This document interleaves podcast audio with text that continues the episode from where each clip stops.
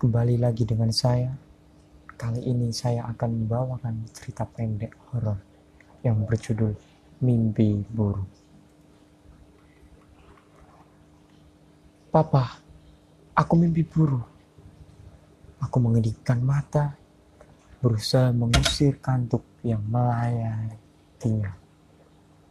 Aku melirik jam dinding dan saat itu masih pukul tiga malam.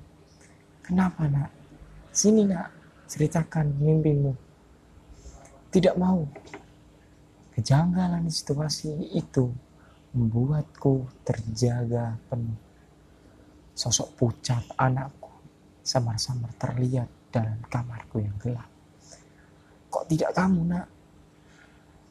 Karena dalam mimpiku, ketika aku menceritakannya kepada papa, makhluk yang memakai kulit mama itu bangun. Bisiknya lirih. Hatiku mencelos. Aku terkesiap. Selama beberapa saat, aku memandung jantung berdebar hebat.